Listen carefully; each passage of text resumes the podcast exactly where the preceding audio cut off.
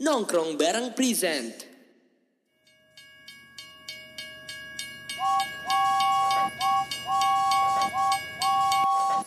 Halo passengers, welcome to Masinis. Masih seputar bisnis. Ngobrol santai perihal bisnis. Halo passengers, kembali lagi di dalam Masinis, masih seputar bisnis di podcast Nobar, yaitu podcast dari Himpunan KMM ITB. Dan sekarang nih, passengers mungkin kok ini suaranya belum familiar ya di dalam pod episode kali ini gitu. Karena itu memang nih, ini memang perdana banget hadir di dalam podcast Masinis dan tentunya kayaknya kurang cukup nih kalau misalnya nggak kenalan dulu sama passengers. Karena itu kenalin nama aku Natali Morasitopo dari SBM tingkat 1 dan aku ditemani oleh temanku nih di sini ya. Boleh dong langsung aja. Hai Messengers, kenalin juga nama aku Stella dan kebetulan Yes. bareng sama Natat nih di SBM tingkat 1. Tapi nih Nat, hari Hmm. ini katanya kita bakal ngebahas sesuatu yang menarik banget. Emang kita bakal ngebahas apa sih? Betul banget. Jadi buat passengers nih yang udah ngedengerin Masinis episode sebelumnya, mungkin kita udah ngebahas bareng-bareng tentang bisnis-bisnis gitu kan, seputar bisnis creative industry. Tapi nggak mau kalah nih sama episode sebelumnya, di episode kali ini Masinis bakal ngebahas tuntas gitu ya, tentang dunia event organizer style. Uh. Wah, dunia event organizer. Berarti Yes. kayak itu bukan sesuatu yang udah banyak kita lihat ya. Terus kayak marketnya juga masih bisa Hmm. banget gak sih untuk kita masukin? Iya, dan buat passengers-passengers nih yang penasaran banget atau tertarik banget dengan dunia I.O., tenang aja karena hari ini, kali ini di dalam Masinis, kita udah kedatangan seorang bintang tamu nih, yang bintang banget ya kayaknya, Stel, yang memang benar-benar sudah mengenal dan sudah tahu banget di dunia event organizer ini. Wah, daripada lama-lama lagi langsung kita panggil aja kali ya Nat ya. Yes. Halo Kak. Eh, halo, kenalkan nama saya Joshua Kristianto, alumni dari SBM ITB 2018. Oke. Ya. Wah, Saya alumni SBM. Wah, berarti nanti cerita-ceritanya bisa jadi pelajaran banget ya buat kita. Kita juga kan secara anak SBM. Iya, Nah kok, Iya. eh Kak, tapi kan kita bakal ngebahas tentang dunia event organizer nih. yes. Kalau dengar-dengar kan kakak sendiri punya Majestic Organizer. Boleh diceritain gak sih awal dari Majestic sendiri? Awal mula tuh berawal di zaman SMA. Karena saya tuh dulu anaknya demen ke pesta. Jadi tuh setiap minggu teman-teman saya tuh di angkatan bikin acara pesta Sweet Seventeen. Hmm. Jadi emang emang pada dasarnya saya tuh emang seneng hahehe dan selalu excited tiap pesta teman saya tuh. Ah, dari semua dari semuanya diperhatiin dari dekor tema baju sama acara jadi dulu juga saya dikasih kesempatan buat ngurusin suite teman saya hmm. Eh, dari situ saya juga dikasih kesempatan sama ketua angkatan eh, buat saya tuh jadi ketua acara di prom night-nya gitu Hmm. jadi pas emang pas prom night tuh saya pakai kesempatan di situ tuh buat belajar banget Hmm. dari baru beres prom saya tuh mikir aduh bisa nggak ya bikin IO karena emang passion saya passion saya di sini gitu terus ya udah setelah saya pikir-pikir ya udahlah bodo amat hajar aja hajar bikin gitu Wah, Wow. Oke, jadi memang mulanya udah dari SMA, memang udah punya ketertarikan sendiri nih. Dan Yes, lanjut, oke, oke. Dan lanjut terus berarti selama kuliah juga masih lanjut terus tuh Kak, atau gimana tuh Kak? ya jadi tuh eh, saya tuh lulus SMA 2015 Mm-mm. buat IO langsung lulus SMA buat IO ya pas kuliah ngejalanin aja jadi kuliah sama bikin IO barengan gitu kerjanya Hmm. tuh berarti kuliah sambil ngejalanin IO sendiri, tapi bisa ke-handle Kak berarti? Kayak masih possible gitu? masih bisa sih terseok-seok tapinya jadi emang kan ya emang di SBM tugasnya banyak juga kan Mm-mm. jadi emang kadang-kadang ya free rider eh, titip absen kalau misalkan dulu mah gitu Oke, ini menarik ya Stel ya untuk kita nih yang baru masuk SBM yang masih kayak shock dengan dunia SBM dan kesibukannya melihat Kak Jojos di sini yang bisa punya apa ya kuliah jalan tapi IO jalan itu tuh sesuatu yang wow sih ya Sel ya. Thank you. Iya karena personally kita kayak semester 2 juga udah mulai terseok-seok sendiri sih kak. Iya. Gak usah ada Kebayang, IO, kebayang. gak usah ada IO aja kita sudah terseok-seok gitu, apalagi ada IO gitu kan ya.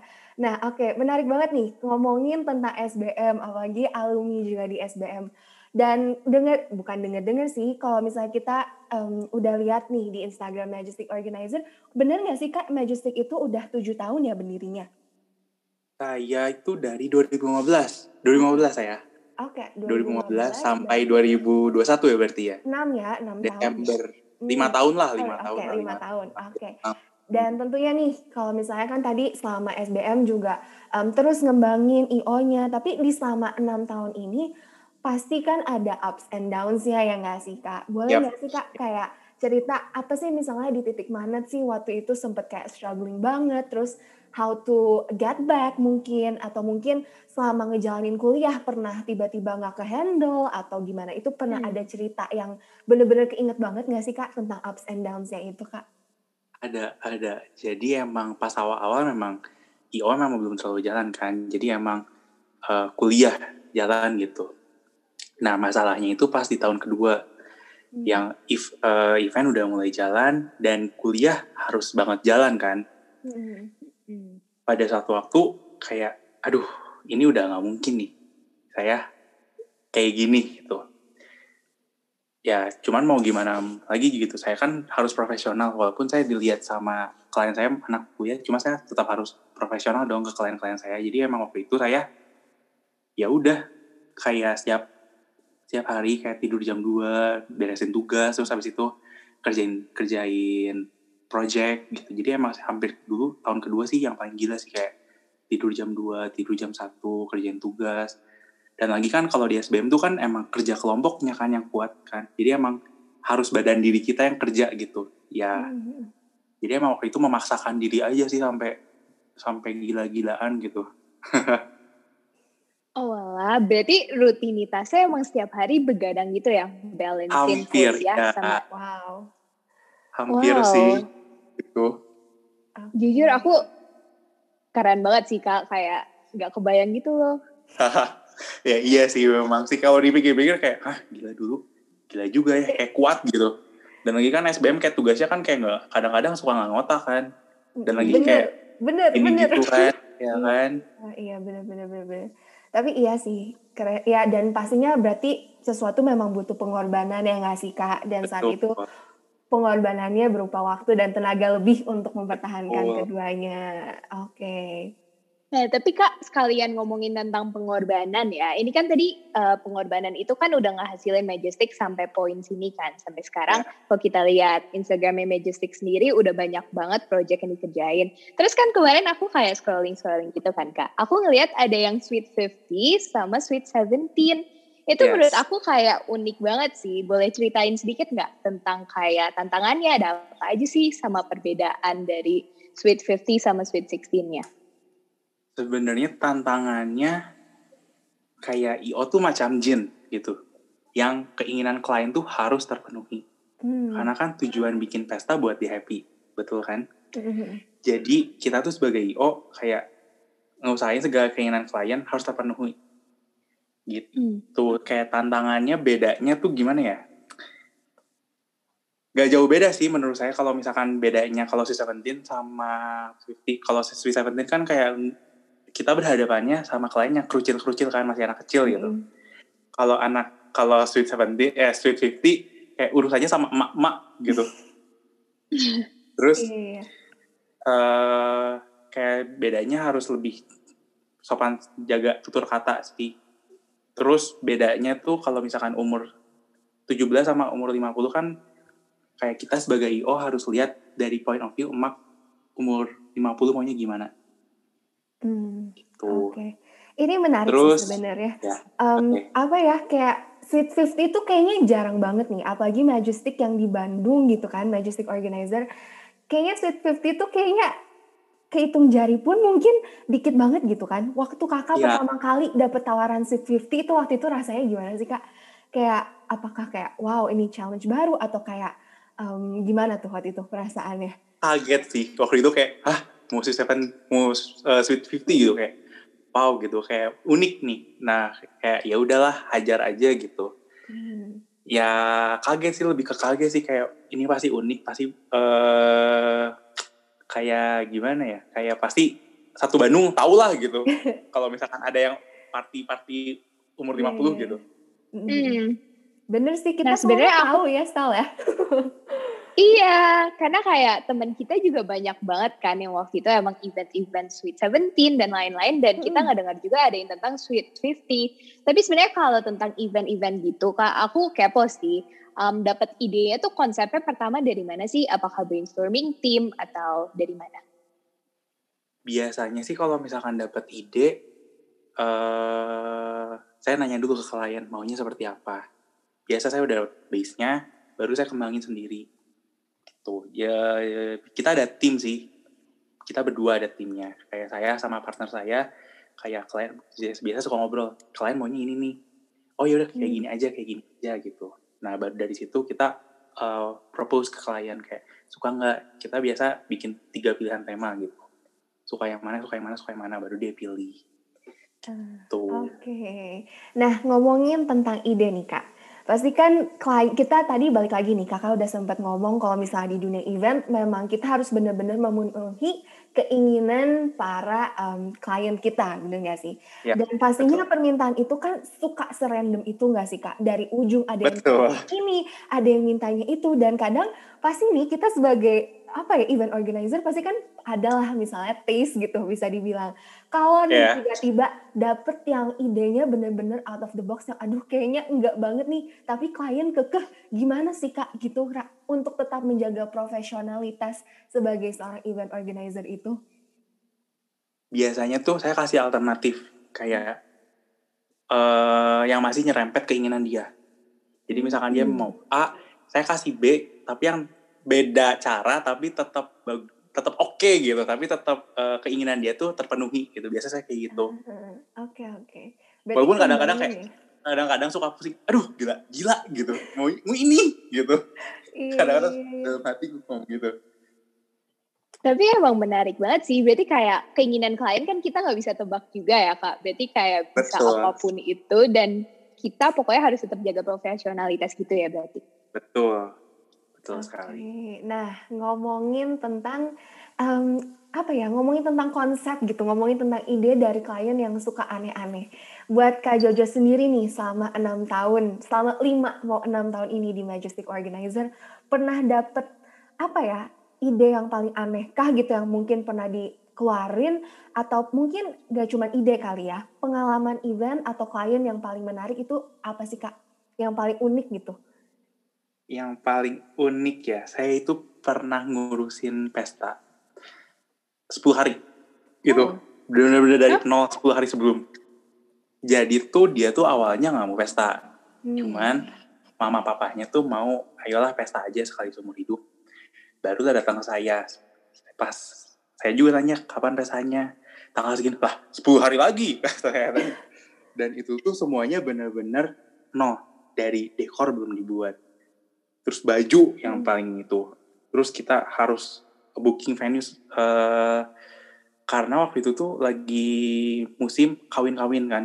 Hmm. Jadi tuh susah cari tempat waktu itu. Cuman ya waktu itu nggak tahu tiba-tiba bisa dapat aja di tempat yang kita pengen gitu. Karena lagi kosong. Iya sih waktu itu kayak beres acara pernah sampai sakit juga sih gara-gara bener-bener ngebut dari nol 10 hari gitu. Itu sih yang gilanya sih paling gila. 10 hari. 10 hari. Wow. Wow. Iya sih, bukannya kan kalau misalnya event sampai kadang orang udah booking satu tahun sebelum gitu ya nggak sih kak? Iya, iya.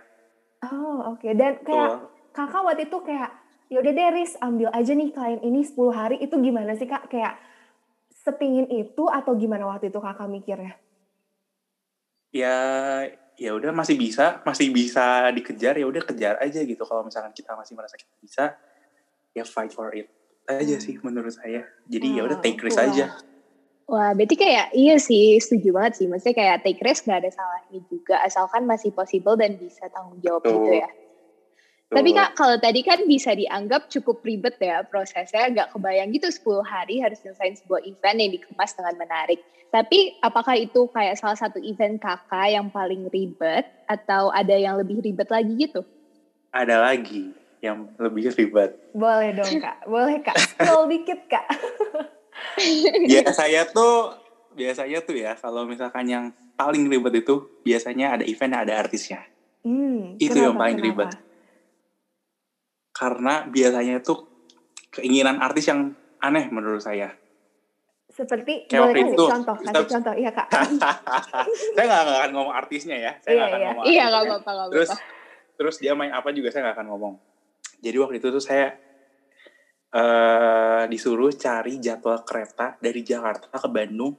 Jadi kan biasa kalau jadwal kereta itu udah ada jadwalnya kan biasa kan. Hmm, Dan semuanya selalu Mm-mm. sama. Dia tuh suruh cari saya jadwal kereta yang nggak ada jadwalnya. Hah? Jadi karena tuh dia ada jadwal, dia tuh ada jadwal di Jakarta, ngapain photoshoot atau apa, dan eh, baru bisa ke Bandung tuh setelah dia photoshoot. Dan saya Hmm. ngomong, awalnya tuh dia bilang bisa bisa bisa gitu. Pas tengah teng jadi yang saya permasalahin tuh awalnya dia ngomong bisa, eh, misalnya udah oke gitu, pergi pakai kereta jam 11 udah oke, cuman tuh pas tengah-tengah jalan dia tuh ngomong nggak bisa, dia tuh ada pekerjaan Waduh, gitu. wah. Dari situ saya maunya, saya mau naik kereta jam segini, jam segini, saya nyari kereta nggak ada, mbak ini nggak ada jadwalnya. Ya saya nggak mau tahu, pokoknya saya mau, saya mau dia, eh, saya mau artis saya pergi dari Jakarta jam segini, pokoknya. Lah nggak bisa. Nah Karena- terus karena itu jadinya gimana kak? Kayak jadi. akhirnya artisnya tetap. saya nggak jadi, saya nggak jadi pakai dia, Oh, saya nggak jadi pakai dia. Oh, oh, Ya udah ganti aja kata saya teh. Ribet, oh, oke. wow. Wow, Menarik banget. Jujur ya? pertama Itu- kali ngedengar cerita itu- kayak gini. Iya. itu kalau misalkan artis yang ada yang ada adat gitu kayak gitu tuh ngurusnya tuh pusing Ah, oke. Ini shocking sih, baru pertama kali mendengar. Saya kalau misalnya dikira tuh artis ribet tuh yang minta makanannya ini, ini, ini gitu loh, Kak. gampang itu mah makanan mah gampang mau apa sok hajar Oh, yang ribet tuh kayak gini kalau api tiba-tiba ya? ganti ya, hmm, kereta api Oke, jadwal kereta api. Wow, keren sekali. Luar biasa. Jadi- Berarti kenapa berarti kadang-kadang bahkan artisnya yang lebih ribet daripada klien ya kayak. betul sekali betul sekali Hmm, Oke. Ini mungkin Waktu itu saya sampai- banget. waktu itu ya waktu itu sampai hmm. saya nyari ke Alfamart atau Indomaret tanya mbak ada nggak jadwal kereta jam segini mbak ada nggak jadwal kereta jam segini itu sampai malam-malam subuh-subuh jam 12 gitu waktu itu gila Hmm, nggak lagi dah Oke, ini menarik Oh, banget sih. wow. Untuk para passengers nih yang mungkin tertarik dalam dunia event, tapi dunia event kayaknya asik banget gitu kan bisa ketemu artis, bisa ketemu artis, tapi mungkin kenyataannya seperti ini ya kak ya. Artis tidak semudah itu kadang ya kak ya. hmm, betul sekali Oke oke. Nah tapi tadi menarik sih kak. Kalau misalnya em, tadi kakak sebutin juga nih, em, so, kakak nih yang bisa dibilang se- seorang founder sendiri dari Majestic Organizer masih rela untuk kayak turun tangan gitu em, jam subuh subuh untuk ke Alfamart Indomaret. Boleh nggak sih kak kayak misalnya ngasih tahu atau buka-bukaan bener kalau misalnya masuk dunia event organizer tuh sebenarnya kayak gini nih nggak seindah itu atau gimana tuh kak? boleh nggak sih kayak buka kartu sedikit lah dunia event tuh kak? Mau berarti mau diceritain yang nggak enaknya lagi ya? Iya iya Berarti- iya. Ada lagi eh ada dua ada dua yang paling paling gilanya sih. Gimana? jadi waktu itu mungkin klien gak punya manner menurut saya. Jadi waktu itu tuh lagi genting eh lagi genting ada yang dirubah tiba-tiba. Saya langsung telepon dia eh, mau nanya saya sure ini tuh ada yang diganti kata saya teh "Eh, kamu mau gimana kata saya tuh saya saya selalu saya ngomongin selalu baik aja pokoknya pokoknya nggak Hmm. nggak nggak panik atau nggak bentak-bentak pokoknya terus eh dia balas telepon saya kayak udah kok teh gue teh lagi gue teh lagi prepare buat ke Bali kata ya teh Mm, mm, mm. oh kaget dong di anjing anjingin ke waktu itu ah Iya. alah siapa kata saya teh saya baru pertama kali dianjing-anjingin. Pas saya cuma nanya, iya apa yang dirubah? Kenapa dirubah? Kata saya teh. Oh ya udah, sok aja. Nanti aja saya telepon lagi sok. Kamu urusin dulu aja ke Balinya. Kata saya teh. Itu sih yang yang paling ngebekas di anjing-anjingin klien. Pas saya nggak salah apa-apa. Gila sih itu. Wow, agak bingung juga sih kenapa tiba-tiba digituin ya, padahal nggak ada alasannya gitu. Tuh. Oke, jadi Saya- memang harus memang klien ratunya ya kak ya. Iya, klien adalah raja. Mm-mm. Jadi ya udahlah. Sebodoh kata saya teh. Ya udah nggak saya pikirin, udah saya nggak salah kata saya teh. Oke. Iya, iya, setuju banget. Tapi nih Kak, tadi kan cerita ada dua nih. Yang satu lagi boleh spill juga nggak? Jadi kayak menarik banget kan denger ya. Jadi waktu itu tuh satu lagi ya. Ini yang paling ngebekas sih di hati sih. Eh, jadi dulu saya tuh ada eh, ngegantiin barang eh, 15 juta waktu itu tuh. Hmm. Kenapa tuh kak? Jadi kayak, jadi waktu itu tuh ada dekor rusak atau, atau apa gitu waktu itu. Terus eh, klien nggak mau ganti karena dia merasa itu bukan salah dia. Sedangkan dekor kan harus tetap ngecas dong karena kan dekor ada rusak kan. Mm-mm. Terus ya udah, saya yang di ya udah itu kamu yang urusin aja kata kliennya. Saya emang nggak mau tanggung jawab. Soalnya itu itu mah pure salah kamu kata kata klien saya tuh. Ya udah, saya waktu itu kayak ya udahlah, ya udah gitu saya ya udah saya gantiin aja kata saya tuh. Karena emang tipe tipe saya tuh ya udah saya nggak mau nggak mau nggak mau cari ribut kata Ah. saya tuh emang tipenya nggak mau cari ribut kan ya udahlah sama saya aja saya gantiin ya waktu itu 15 juta waktu itu saya ganti benar-benar waktu kuliah kayak saya dari pulang kuliah langsung pulang pulang kuliah pulang nggak mak nggak jajan terus setiap hari tuh jajannya bekal nasi sama brokoli waktu itu saya tuh sekalian Oh Waktu ini itu dia masih bener-bener kayak- masih kuliah gitu kak waktu itu? Ma- masih Oh. kuliah waktu itu Oh, Wow, oke. Oke, ini shock sih. Oke. agak speechless gitu ya Nat ya. Iya, agak speechless gitu.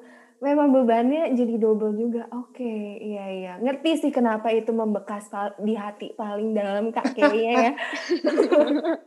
cuman ya udahlah ya Tapi, cerita Nat- Iya Kak, kenapa Kak? ya maksudnya ya udahlah cerita lama gitu Hmm.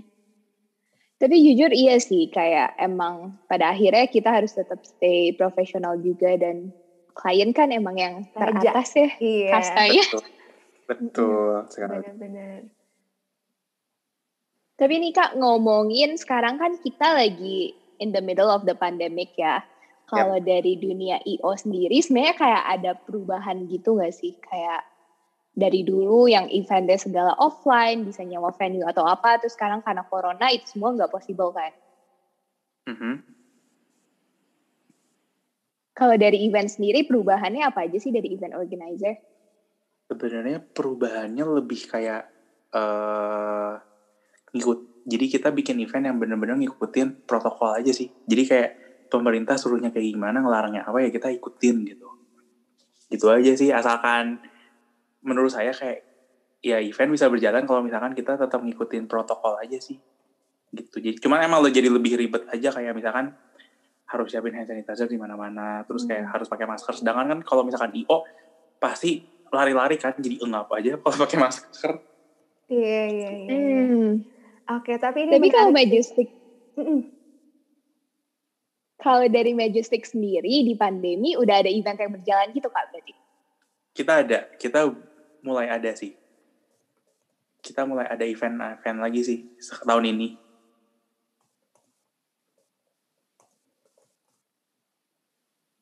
Oh alah, tapi berarti um, di pandemi juga tetap harus bisa survive.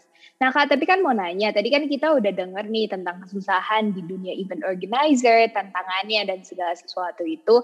Tapi kan kita juga tahu kok event organizer itu nggak cuma one job team, eh one job man gitu kan, ada timnya juga dari Majestic. Pengen nanya sih, kalau dari Majestic sendiri, dinamis kerja timnya kayak gimana sih? maksudnya dalam hal kayak gimana nih kerja timnya Ah iya, jadi kalau dari timnya tuh biasa pembagian tugas atau sama-sama ngerjain gitu. oh, biasa saya pembagian ada pembagian tugas sih. Jadi eh, saya ngasih job ngasih job desk ke tim-tim saya. Kamu kerjain ini kamu kerjain ini kamu kerjain ini gitu. Eh begitu mereka udah cari kasih ke saya baru saya kasih ke klien. Biasa kayak gitu. Hmm, berarti itu sih biasanya Oke oke, tapi kan yang jelas di dalam dunia event gitu kan, uh, tim mungkin berperan cukup bukan cukup penting kali ya, mungkin paling um, penting tim sih iya, teamwork bener. sih Iya iya. Betul. Dan sebagai leader nih, sebagai leader dari sebuah tim yang sangat penting, ada tips and tricks nggak sih kak, kayak untuk maintain the good teamwork ada nggak? pertama kalau misalkan ada masalah di hari H kita sebagai leader harus tetap tenang Hmm. nggak boleh kelihatan panik karena kalau misalkan atasnya udah panik pasti bawah-bawahnya ikutan panik ngelihatnya Ah, karena leadernya udah aja udah panik gimana bawahnya gitu, gitu. iya. itu satu. Terus dalam keadaan apa pun kayak harus benar-benar berpikir jernih gitu. Kayak eh, harus sama harus make decision cepet sih biasanya. Kalau misalkan ternyata ada plan-plan yang nggak sesuai dengan rencana ternyata berubah kayak harus cepat mikirnya decide-nya harus cepat terus biasa kalau bikin plan di hari H nggak cuma dua tapi biasa kita bikin tiga atau empat lah biasanya gitu Hmm, Oke, berarti tetap harus tenang lah ya walaupun di situasi sepanik apa pun, sekios apa pun sebagai leader harus bisa calm down seluruh timnya Betul. juga ya. harus Oke. bisa tenang intinya mah Yes. Wow, itu tapi nggak mudah ya jelas ya. Oke, menarik Jelas. banget sih kak. Ternyata dunia event gitu kan yang menarik gitu. Ternyata hari ini kita bisa buka-bukaan, kita bisa melihat dunia event aslinya gitu di dalam-dalamnya yang tidak seindah itu gitu kan ya kayaknya nih. Kak, tapi thank you banget untuk insights-nya. Em, kita hari ini berdua shock banget ya Sel men- mendengar ke apa ya keadaan nyata dunia event gitu kan dan em, ngelihat banget gimana Kak Jojos udah bener-bener berusaha dan berjuang untuk Majestic Organizer selama lima tahun ini. Dan thank you juga buat insight-insightnya Kak. Terutama how to apa ya how to lead a good team. Terus kayak bener-bener untuk tetap keep the professionality walaupun kadang mungkin nggak sesuai dengan yang kita mau. Dan hari ini pokoknya dapat banyak insight-nya. Semoga passengers yang ngedengerin juga bisa mendapatkan sesuatu dari masinis kali ini.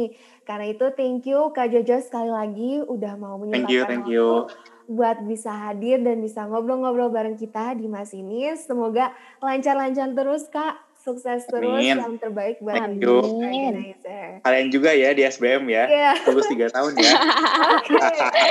Aduh, thank you banget Kak udah mau ngeluangin waktunya. Aku percaya banget sih tadi kayak Natat udah bilang, aku, Natat sama passengers juga dapetin banyak banget. Apalagi tadi kita sempat buka-bukaan dikit tentang Yes. event organizer yang ternyata Banyak shocking banget. Banyak sih kayaknya ya. Iya, Oke. tapi ya sukses terus Kak ke depannya. Semoga Majestic bisa dapat lebih banyak klien juga. Dan thank you uh, thank you Amin. mau plug in gak Kak? Kayak biar orang-orang tahu Majestic Hmm. Instagramnya apa atau dari Kojojo Oh. sendiri. boleh di follow ya eh, majestic underscore organizer di follow eh, dipakai juga jasanya Yeay. Oke, thank you so much sekali lagi Kak Jojos dan thank you buat passengers yang udah ngedengerin kita sampai akhir dari podcast ini. Karena itu aku Natali. Dan aku Stella, kita sign out dulu buat kali ini. Sampai ketemu di podcast selanjutnya. See you.